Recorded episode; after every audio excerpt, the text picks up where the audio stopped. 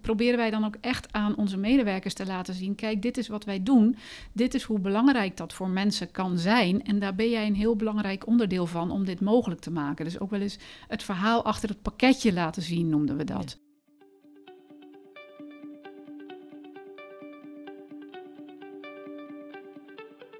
Welkom bij deze PVKO-podcast. Ik ben Jan Pierik. En ik ben Dorien van der Heijden. En vandaag zijn we bij DHL te gast, bij Angeline, uh, Angeline Maas. Dankjewel dat we hier mogen zijn. Welkom. Thanks. Um, kort zullen wij onszelf eerst even voorstellen, Dorien? Is altijd beginnen? goed. Laten we het kort doen. Um, Dorien van der Heijden, ik ben adviseur op het gebied van strategie en innovatie bij Lobster Company. En ik heb onder andere het boek geschreven Strategie voor de Kreeft. En dat gaat over het bouwen en echte vernieuwing. En ben nu uh, met veel plezier ook podcasts maken om uh, de verhalen van anderen te horen. Hoe bouwen zij nu aan vernieuwing? Ja, mooi. Ik ben Jan Pierik. Ik help organisaties om waarde te creëren door klanten. En vanuit die passie uh, zit ik ook bij PVKO in het bestuur. Uh, en daar willen we eigenlijk platform klant, voor klantgericht ondernemen. En daar willen we eigenlijk van Nederland een top klantgericht land maken. Um, dus dat is ook de doelstelling van deze podcast: klantgericht innoveren. Um, nou, laten we eerst eens horen wie Angelina ja. Maas precies is. Misschien stel je jezelf het makkelijkst even voor. Ja, dank je Doreen. Uh, nou, mijn naam is Angeline Maas. Uh, werk al sinds 2003 bij DHL Express. Uh, van huis uit jurist. En veel gedaan in het klantcontact in Nederland. En momenteel werkzaam voor de Europese Customer Service functie in een meer programmamanagementrol. Oké. Nou, we zullen vandaag zeker nog meer over je te weten komen en wat je precies doet binnen DHL Express en hoe je met ja, klantgericht en klantgericht innoveren bezig bent. Ook in um, zo'n grote organisatie, want daar zullen we straks ook op terugkomen. Maar wij dachten, we weten wel wat DHL is, maar daar blijkt veel meer in te zitten dan dat wij dachten. Ja, dus laten we, laten we daar straks vooral op doorgaan. Maar voor nu, ons vaste format zou je het bijna kunnen noemen, zullen we starten met de drie stellingen die we hebben. Dat is altijd een goed begin. Dat is altijd een goed begin, toch? En dan gaan we vanaf daar kijken waar we, waar we uitkomen. We hebben natuurlijk nog de vraag van uh, Fabian Kortekaas van de vorige keer. Jij hebt misschien nog een vraag aan Rien Brus, die we de volgende keer gaan, uh, gaan interviewen. Maar die drie stellingen zijn een goede aftrap. En dan duiken we wat mij betreft het onderwerp in. Doreen, doe jij de eerste stelling? Ja, want de eerste stelling vind ik meteen een hele spannende. En die luidt, bij innovatie wint de korte termijn het altijd van de lange termijn. En je mag alleen maar ja of nee zeggen. Ik wilde net zeggen, ik mag alleen maar ja en nee zeggen. Hè? Dan zeg ik nee. Oké, okay, uh, de tweede, to kill your darlings, is een voorwaarde voor succesvol klantgericht innoveren. Ja.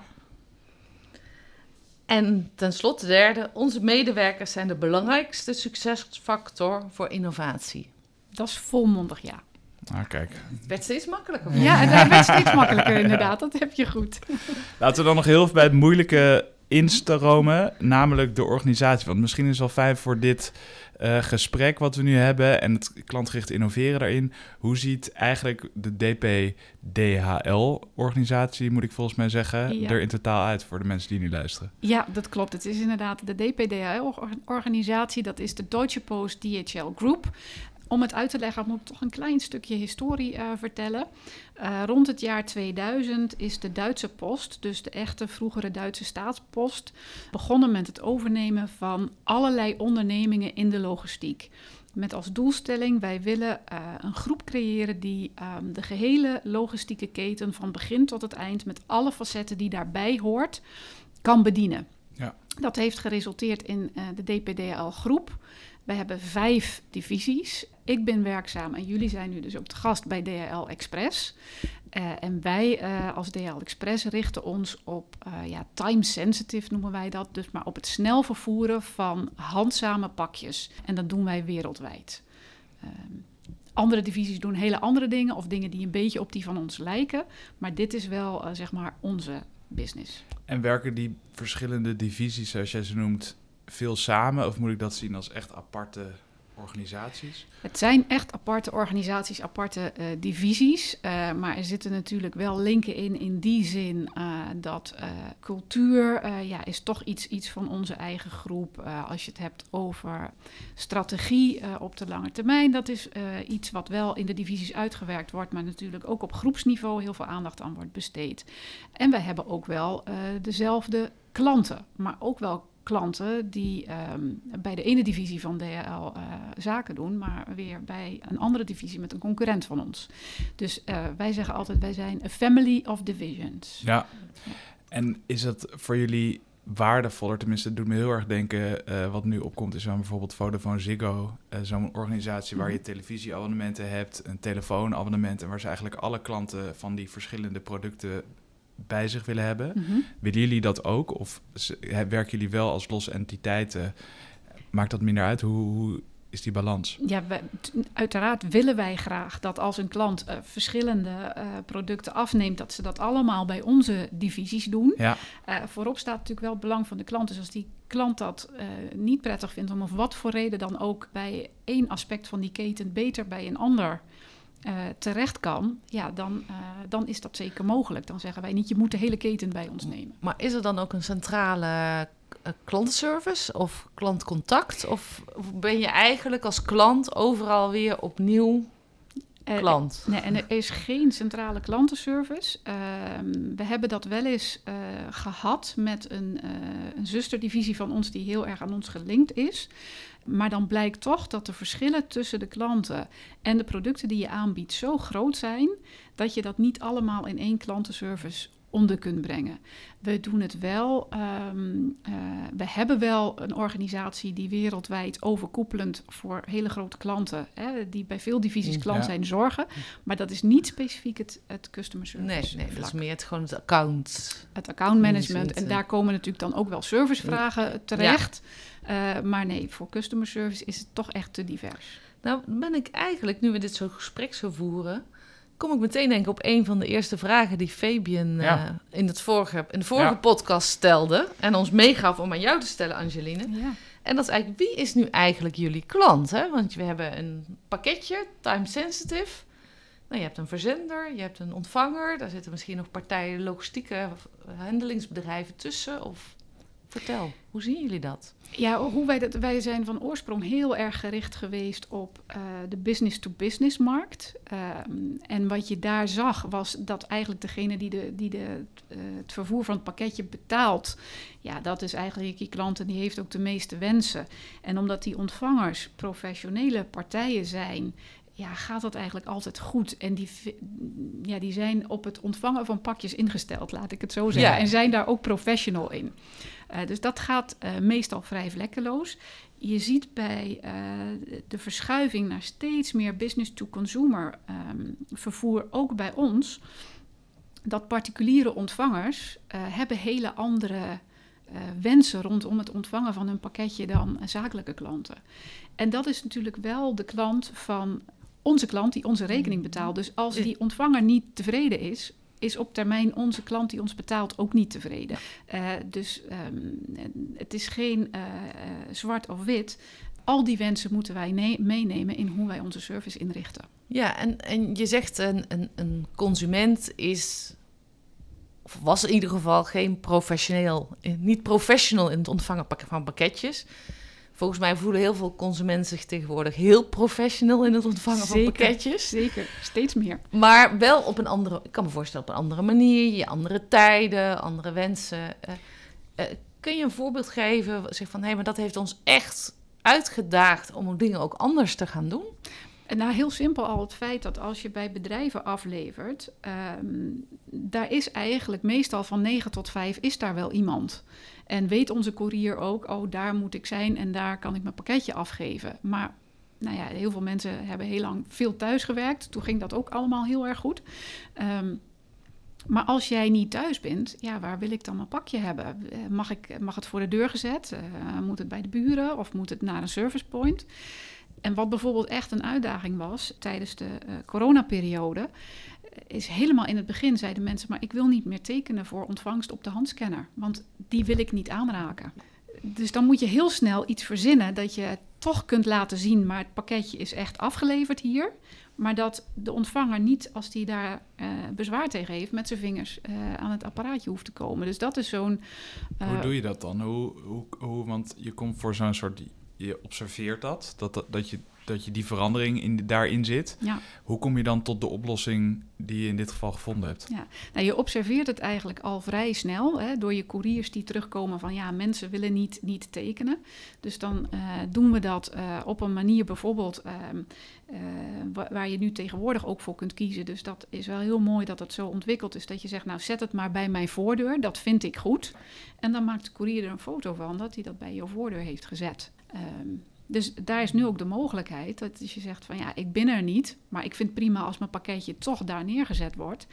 Uh, dat aan de ene kant dus die ontvanger daarin bediend wordt in zijn of haar wens. En aan de andere kant dat uh, wij aan onze verzender kunnen laten zien... kijk, we hebben het echt afgeleverd. Ja. Dus dit soort oplossingen moet je aan denken. Wie, wie zijn dat, als je dat zo kan zeggen hoor... Wie, wie dat bedenken en die daartoe komen? Want die bezorgers komen terug. Kan je ons meenemen wat wat gebeurt er dan? Tegen wie zegt ze dat en, en hoe, hoe loopt die keten? Ja, dat is, het is echt ook per onderwerp heel verschillend hoor. Maar, maar hier zie je dus wel, in dit specifieke voorbeeld zie je heel duidelijk gelijk die feedback die vanuit uh, onze, onze mensen, uh, ja zeg maar, die komen terug op de vestiging. Die vertellen dat aan een supervisor.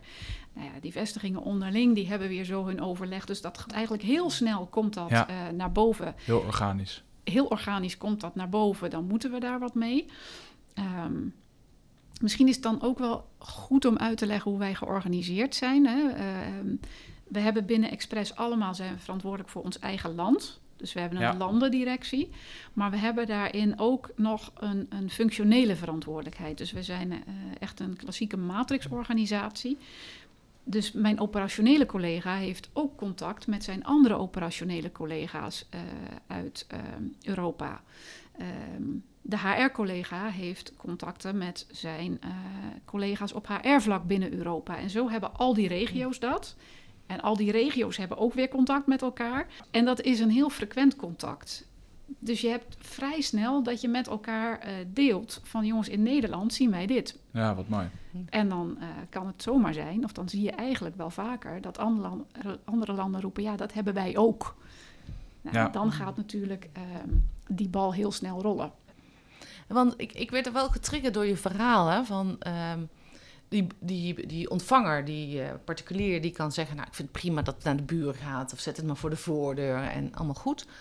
Maar ik bestel als particulier, als ontvanger, eigenlijk niet bij DHL. Ik bestel op een willekeurige website en toevallig besluit dan die verzender of die, die ver verkoper dat het via DHL gaat. Ja. Dus waar kan ik me dan laten werken dat het bij de buren mag. Of dat je het bij mij de voor, de ja. Ik kan me voorstellen, je moet met, gaan communiceren met iemand die eigenlijk helemaal geen klant van jullie was, waar je geen contact mee hebt. Dat, dat klopt. En, en dat is vaak ook het, het lastige. Hè? Verzekeraars hebben daar ook nog wel eens last van als ze schades afwikkelen.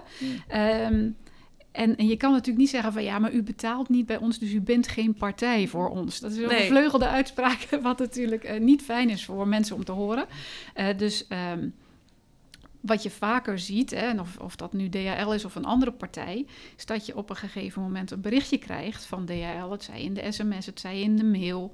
Uh, van joh, wij komen bij je langs met een pakje van deze verzender. En kijk alsjeblieft, hier zijn je opties. Ja. Daar zijn wij natuurlijk ook wel weer afhankelijk van of die uh, ontvanger zijn gegevens heeft moeten invullen bij de verzender. En of dat die ontvanger denkt van ik ga mijn opties nog doorgeven. Ja. Of ik doe dat niet. Nee, want ik heb toch al een pakketje gekocht en dat ja. alle vertrouwen ja, dat het goed ja, komt. Ja, dat klopt. Maar ook daar zien we wel, wat jij ook zei, ook, ook particuliere ontvangers worden daarin steeds professioneler. En weten van, oh, moet ik toch even kijken of ik dan wel thuis ben. En, uh, hè? Nee, dan geef ik toch even een andere optie door. Dus dat is voor ons ook dan wel weer heel fijn dit klinkt dus inderdaad heel organisch en natuurlijk door die onder andere ook hoe jullie georganiseerd zijn, komen dit soort dingen naar boven. Mm -hmm. uh, we hadden net stelling uh, of korte termijn het bij innovatie altijd van lange termijn wint. Dit klinkt voor mij in ieder geval als best wel de korte termijn. Wat zijn nou lange termijn uh, innovaties waar jullie ofwel mee bezig zijn of die dus moeten wachten omdat dit soort dingen eerst moeten? Mm -hmm. um, nou, op, voor, voor de lange termijn kijken wij um, um, ook binnen onze innovatiecentra heel erg vooruit. We hebben er vier in de wereld. Uh, in Europa zit die in, in Troisdorf, dat is bij Bonn in de buurt. En daar kijken we echt vanuit onze expertise samen met uh, klanten, samen met uh, ja, autoriteiten op het gebied van automatisering of transport, kijken wij naar wat zijn nu toekomstige ontwikkelingen. En daar wordt een trendradar op ontwikkeld. En dus ook niet alleen voor de expressdivisie, maar voor meerdere divisies. En um, daarin kijken we naar wat zijn ontwikkelingen die effect gaan hebben binnen vijf jaar. En welke ja. ontwikkelingen binnen vijf of tien jaar. En is dat effect dan groot of klein? En dan ga je nadenken samen met al die partijen van joh, hoe zou je daar dan op in kunnen spelen. Een voorbeeld is echt de vergrijzing van de samenleving. Dus niet alleen als, uh, als workforce die vergrijst, uh, maar ook uh, de consument vergrijst en gaat misschien anders om met het bestellen van zaken dan de jongere generatie. Ja. Dus dat is de manier waarop wij ook op de lange termijn samen met partners, met klanten willen kijken naar ontwikkelingen. En is het dan, hè, want het is ontwikkelingen in kaart en impact. En dan de volgende stap is, en wat gaan wij dan doen hè, ja. om daarop voorbereid te zijn? Of misschien zelfs een stap verder nog niet alleen voorbereid te zijn, maar eigenlijk misschien wel van te profiteren. Hè? Dus, mm -hmm. dus um, en zijn dat dan vaak ook omdat die innovation centers ook eigenlijk heel internationaal zijn, ook dan automatisch internationale projecten? Of landt dat ook weer in de landenorganisaties?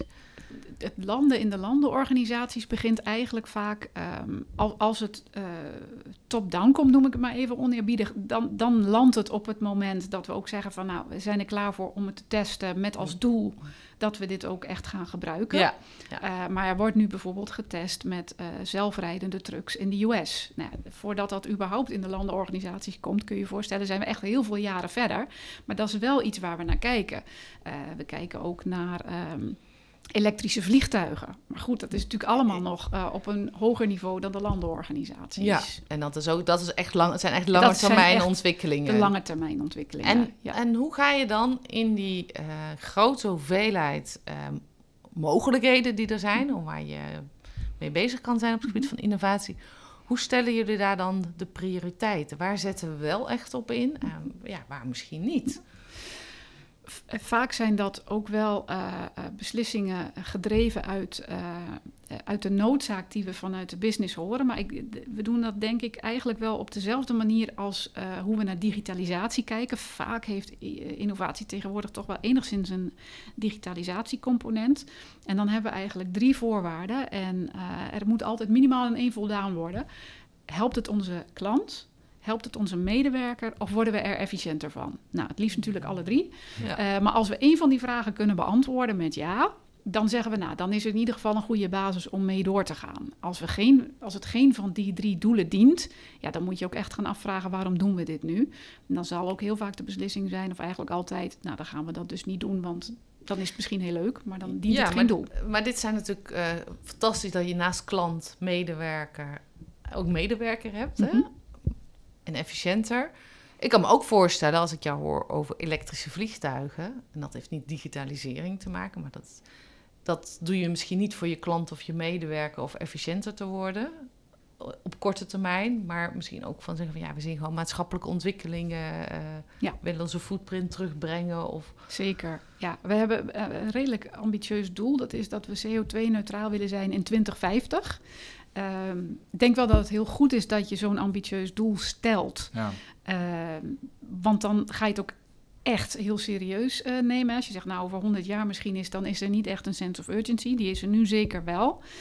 Um, dus dat is onze doelstelling. En het is eigenlijk gebaseerd op ons, uh, op ons ja, sustainability beleid. We hebben daarin drie pijlers. Dat is clean operations. Nou, dus ja. heel schoon uh, kunnen, kunnen vervoeren. Um, we willen een werkgever zijn waar iedereen zich uh, thuis voelt. Um, en we willen graag een highly trusted company zijn, zoals wij dat noemen. Dus we willen echt een, een partij zijn die eerlijk zaken doet. Uh, en uh, waarvan we ook checken dat onze leveranciers en onze partners aan onze eisen ja. voldoen. En dat... Dus dat is ook, hè, om terugkomen op jouw vraag, dat, dat clean operations en die doelstelling emissievrij 2050, ja, zijn natuurlijk allemaal drivers om met dit soort dingen ook bezig te zijn. Wat wat langere termijn is. Ja, ja hè, want het, en dan 2050 klinkt misschien voor een aantal van de luisteraars ver weg, maar voor organisatie als DHL met Die- vliegtuigen, auto's. Ja, onze, Dat is waar jullie voor. ja, onze footprint is nu natuurlijk, eh kunnen we heel, heel eerlijk over zijn, is best heel groot. Want ja, als je iets wil vervoeren, dan eh, stoot je kerosine uit of diesel of, of wat dan ook. Dus eh, om, om zo'n operatie echt CO2-neutraal te maken is, is eh, een uitdaging. Ja. ja. En ik denk dat heel veel bedrijven, of althans dat kan ik me voorstellen, zo wat jaloers zijn op jullie eh, innovation centers die je hebt. En eh, met name hoe dat bemand is met wetenschappers, met klanten, met jullie medewerkers zelf. Maar ik ben nog wel, om er iets meer beeld bij te Mhm. krijgen, eh, inderdaad als er zo'n rapport, wat Doreen zei, uitkomt. Heb je een voorbeeld of van iets waarvan jullie zeggen, oh dat hebben we uit zo'n rapport, werd dat eh, duidelijk en daar hebben we toen iets mee kunnen doen? Nou, de, zoals de rapporten er nu liggen, zijn eigenlijk nog de toekomstige eh, uitdagingen. Hè? Dus Ja. het, en het is ook het is veel breder dan dat wij iets mee moeten. Het is ook voor je klant om eh, klaar te zijn naar je toekomst. Dus dat is één kant. Ehm, eh, van de andere kant, om dat ook wel even toe te lichten, heel veel innovatie komt natuurlijk ook eh, bottom-up, doordat je in Ja. landen eh, ziet dat er een bepaalde behoefte is. En zoals net al van, ik wil niet meer op, op dat eh, machientje tekenen. Dat is één. Maar nou, zoals hier in Nederland zien we ook die binnensteden. Eh, die vinden het niet meer prettig als je daar met dieselautootjes naar binnen rijdt. Eh, dus in Nederland zijn we best een voorloper geweest in ehm, ja, fietsend door de stad en met elektrische fietsen en soms ook gewoon eh, fietsen zonder, zonder batterij. Dus dan zie je heel erg ook weer de innovatie van beneden naar boven komen. Dus het, het heeft bij ons wel echt twee stromingen, zeg Ja. maar. Ja. Ja, gaaf. En wat mij heel erg, als je dit voorbeeld zo noemt, eh, doet denken, is toen ik in Amsterdam woonde en daar wel eens jullie boot voorbij zag varen, die nu volgens mij niet meer bestaat. Nee, Maar wat, we, wat ik echt een voorbeeld vind van zo'n, hoe gaan we daarin om? ja. Maar dat, heb, dat zijn jullie dus gestopt, die boot. Nou ja, dat is echt zo'n voorbeeld van Kill Your Darlings. Want Ja. iedereen vond die boot Ja. natuurlijk heel erg mooi. En nou ja, jij noemt hem al, er waren veel meer mensen die die boot kenden. Dus een prachtig uithangbord. Ehm, maar ja, hij loopt wel op diesel. Ehm, en het was echt ook een, een pakketjescentrum, zeg maar. Drijvend servicecenter noemden wij het ook. Waar de couriers pakketjes kwamen halen en brengen. Nou, Zo'n boot legt aan, die koerier moet met die fiets die kade op. Dat is allemaal niet zo handig. Dus we hebben dat wel kunnen vervangen eh, door een eh, kleinere locatie in de stad. eh, die, ehm, die dus niet, waar je dus die diesel al bespaart van die boot. En waar die couriers veel makkelijker eh, de pakjes kunnen halen en brengen. Dus het is en voor de couriers fijner en we hebben minder uitstoot.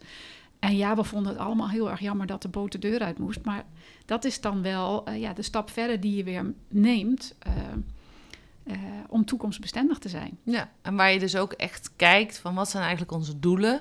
En dan die zichtbaarheid van die boot, hè, die eigenlijk Ja. een positieve bijdroeg aan, Ja. aan bekendheid.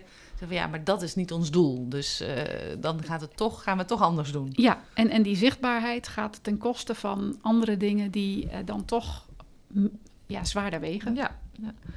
Ehm, je gaf al aan, hè, in Nederland zijn, we, zijn jullie ver ten opzichte van misschien de buurlanden of andere landen op met, met fietsen, elektrische fietsen. Ehm, deel je dat dan ook met elkaar? Eh, hoe wissel je uit? Hoe Ja. kom je op, op ideeën? Nou, je wisselt dus uit door eh, de functionele vergaderingen die eh, iedereen van ons, hè, dus die in iedere functie heeft, de director of de VP van die functie, die heeft die functionele vergaderingen. Nou, daar wordt heel veel gedeeld. Ehm, dat is wat informeler. Als je het wat formeler bekijkt, bijvoorbeeld voor digitaliseringsinnovaties, hebben we een, een ja, wij noemen dat een campfire portal. Dus dat is eigenlijk zeg maar gewoon echt een, een iShare site, eh, noem ik het maar even. Waar elk land kan aangeven van kijk, wij hebben dit stukje van het proces eh, gedigitaliseerd. Eh, daarom hebben we het gedaan en dit werkt zo en zo. Dus dat is, staat eigenlijk iedereen binnen de hele organisatie vrij om daarin te gaan kijken en in te gaan zoeken. Dat als jij zelf een probleem hebt waarvan jij denkt dat zou met digitalisering opgelost kunnen worden, zeggen we ook altijd: kijk nou eerst eens in die portal of een ander land dat al bedacht heeft. Dus eh, zo kun je dat ook delen. En dan vind ik persoonlijk het hele mooie van onze cultuur ook. Stel, ik zou iets zien dat ik denk, nou, dat zou voor Nederland zou dat echt heel erg mooi zijn, eh, wat Mexico daar gedaan heeft. Dan is het ook zo, onze cultuur, eh, ja, dat we toch wel vinden eh, wereldwijd dat we eh, een familie zijn die elkaar helpt. Dat als je dan ook je Mexicaanse collega benadert, dat je echt alle medewerking krijgt en dat je geholpen wordt, dat ze trots zijn om dingen te laten zien. Dus ik denk dat dit soort zaken, hoe je dit aanpakt, ook wel staat of valt met voel je echt een cultuur van verbondenheid. En dat vind ik wel echt ook een kracht binnen onze eh, onderneming, dat die verbondenheid heel sterk is. Ja. Maar DHL is super groot. Hè, wereldwijd, wat je zegt, Mexico, Nederland. Hoe, hoe krijg je toch dan die cultuur en dat dat zowel hier als in Mexico Ja, geldt? Wat zijn daar de, wat zijn de krachten die dat Ja. mogelijk maken? het, is echt, eh, eh, zeg ik wel eens, het is een fam- familiecultuur in een multinationale onderneming. Eh, ik denk dat het deels komt door onze purpose. En die is ehm, connecting people, improving lives. Ja. Nou, dat werd bijvoorbeeld tijdens de coronapandemie eh, heel duidelijk toen wij eh, mondkapjes gingen vervoeren, vaccins gingen vervoeren. Dan wordt dat voor mensen ook heel pakbaar. Hè? Eh, maar ook daarvoor hebben wij, proberen wij dan ook echt aan onze medewerkers te laten zien: kijk, dit is wat wij doen. Dit is hoe belangrijk dat voor mensen kan zijn. En daar ben jij een heel belangrijk onderdeel van om dit mogelijk te maken. Dus ook wel eens het verhaal achter het pakketje laten zien, noemden we dat. Eh, dus dat geeft ook wel een gevoel van, van purpose en betrokkenheid. Van hé, hey, wat wij doen als onderneming, dat doet ertoe en daar ben ik onderdeel van. Dat is één ding. En binnen Express zijn wij rond 2013 uit mijn hoofd met een eh, globaal trainingsprogramma eh, gestart. En dat betekent dat echt voor iedereen binnen DHL, welke eh, functie je ook zit, of dat nou customer service of de operatie of HR is, is er een, een, een, curriculum beschikbaar vanaf het moment dat je bij de onderneming binnenkomt. Dat is er voor de medewerkers, dat is er ook voor supervisors, dat is er ook voor managers en wordt ook heel erg gedragen vanuit het hogere management. Dus eh, bijvoorbeeld eh, in Nederland zijn de boardmembers de facilitators voor de training voor de managers. Dus het, het, Hm. dat geeft denk ik ook heel veel kracht dat je dat vanuit in huis doet. En daar zit niet alleen een kenniscomponent in, daar zit ook een heel grote leiderschapscomponent in. Een heel grote cultuurcomponent in. Ehm, en zoiets eh, kan ontzettend goed ondersteunen bij die cultuur. Ja.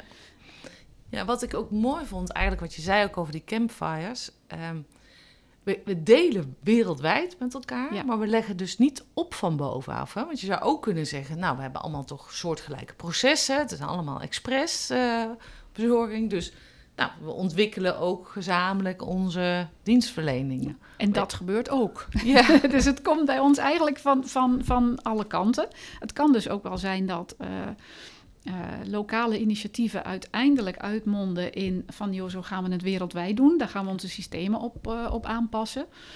We zijn natuurlijk wel eh, een letterlijke netwerkorganisatie. Ja. Onze landen moeten letterlijk met elkaar verbonden zijn. Dus precies, precies. Je kunt het in Nederland niet echt heel anders doen Nee, dan eigenlijk nee. alle andere landen. Nee, en, en dat is ook helemaal niet de bedoeling. Hè? Want als we dat gaan doen, dan werkt het ook niet meer. Dan komen de pakjes gewoon niet meer goed van A naar B. Dus dat is ook niet de bedoeling. Maar wat je ziet, wat er veel in die campfires gebeurt, is van joh, ik zie hier binnen alles wat we al hebben, zie ik eigenlijk nog iets wat ik mis. Dit heb ik eigenlijk nodig.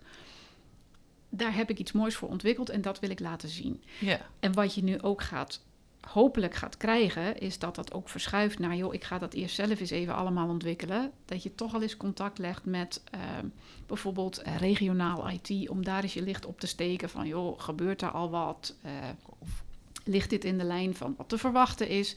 Dus om, door dit soort initiatieven proberen wij ook steeds verder die cohesie eigenlijk te bevorderen. Ja. Maar zeker, er komen ook, ook dingen natuurlijk, die moet je centraal regelen, want Ja. anders eh, gaat het fout. ja.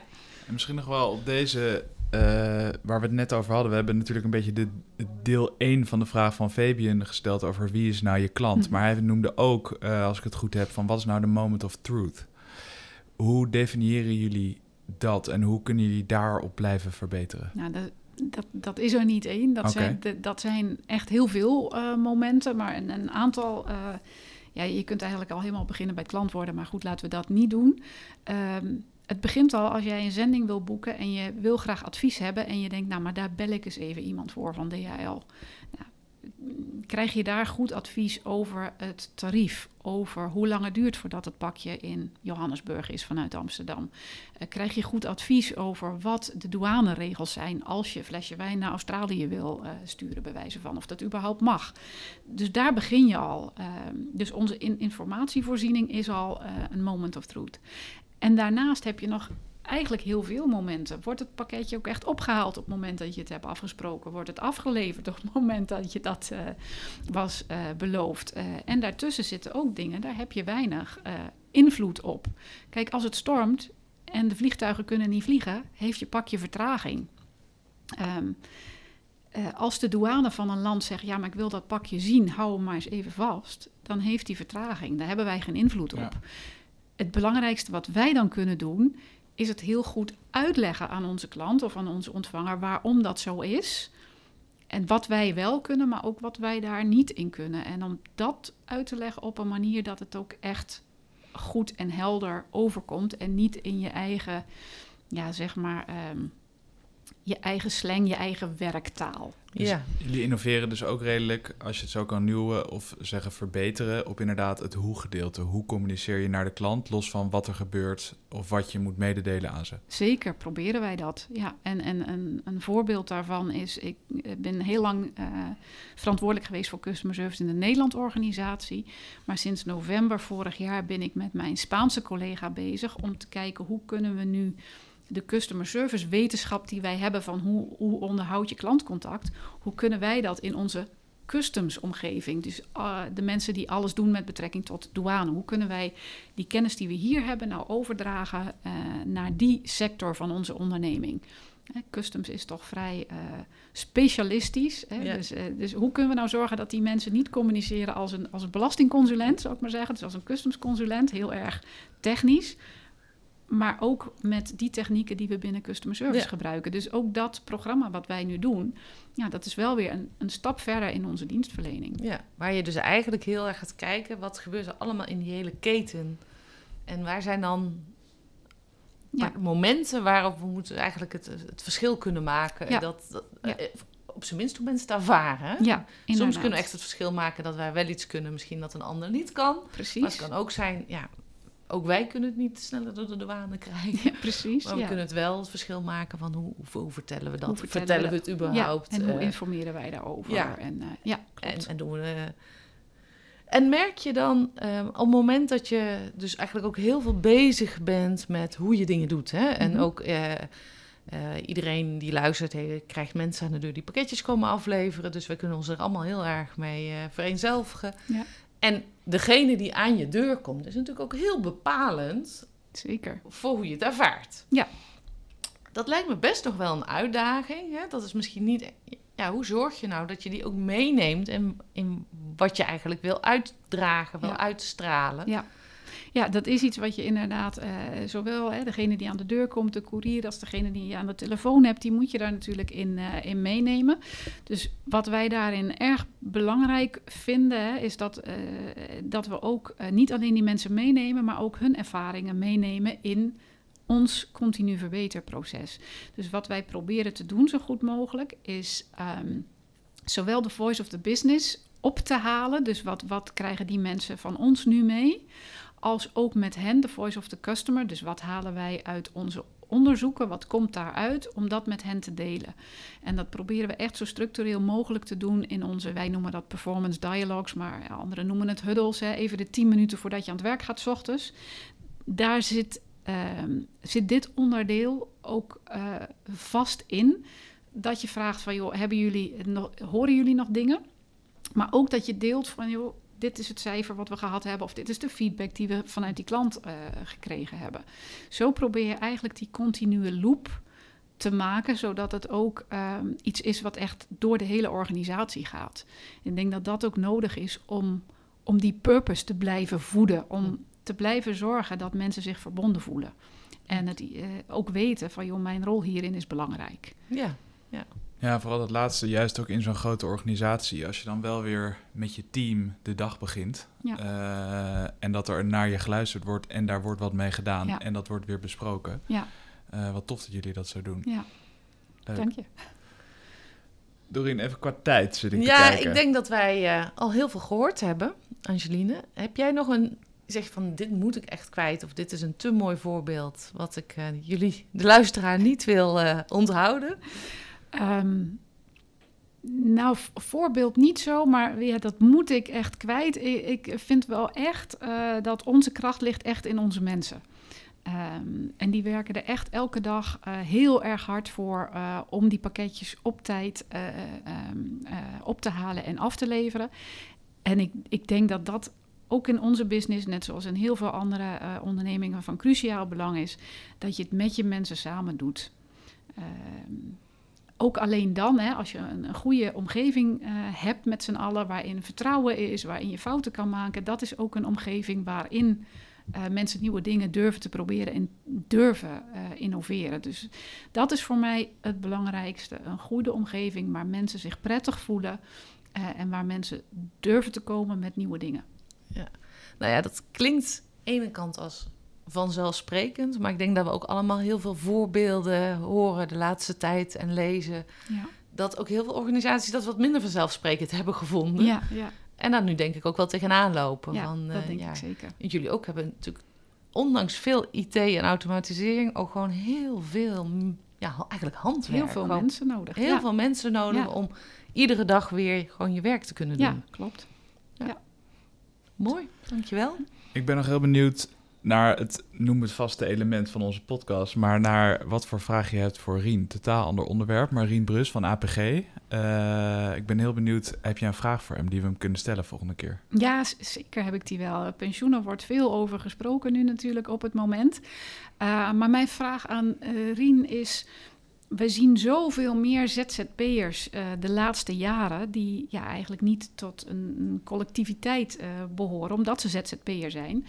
Dus hoe kijkt APG daar tegenaan? Wat, wat voor oplossingen... Uh, of, of zijn ze daar überhaupt mee bezig om te kijken naar, naar oplossingen... voor die doelgroep? Want dat is ja. wel een doelgroep die nu ja, een beetje tussen, ertussen valt, zeg maar. Ja, spannende vraag. Nou, die kunnen we denk ik heel goed gaan stellen volgende, gaan we zeker volgende doen. keer. Ik um, denk dat het nu dan tijd is om jou te bedanken, uh, Angeline. Uh, heel veel thanks voor al jouw inzicht in jouw ervaringen, de inzichten die je hebt. Ik wil graag de luisteraars bedanken voor het luisteren. heb je feedback voor deze podcast of wil je reageren of heb je een mooi verhaal over klantgericht innoveren en wil je dat graag delen? Stuur ons dan alsjeblieft een bericht. Want wij zijn altijd nieuwsgierig naar nieuwe ervaringen en inzichten. Check de website van PVKO uh, slash events om je in te schrijven voor de inspiratiesessie uh, die er gaan komen. En vergeet je niet te abonne abonneren, zodat je volgende podcast afleveringen niet mist. Tot ziens. Tot ziens, tot de volgende keer.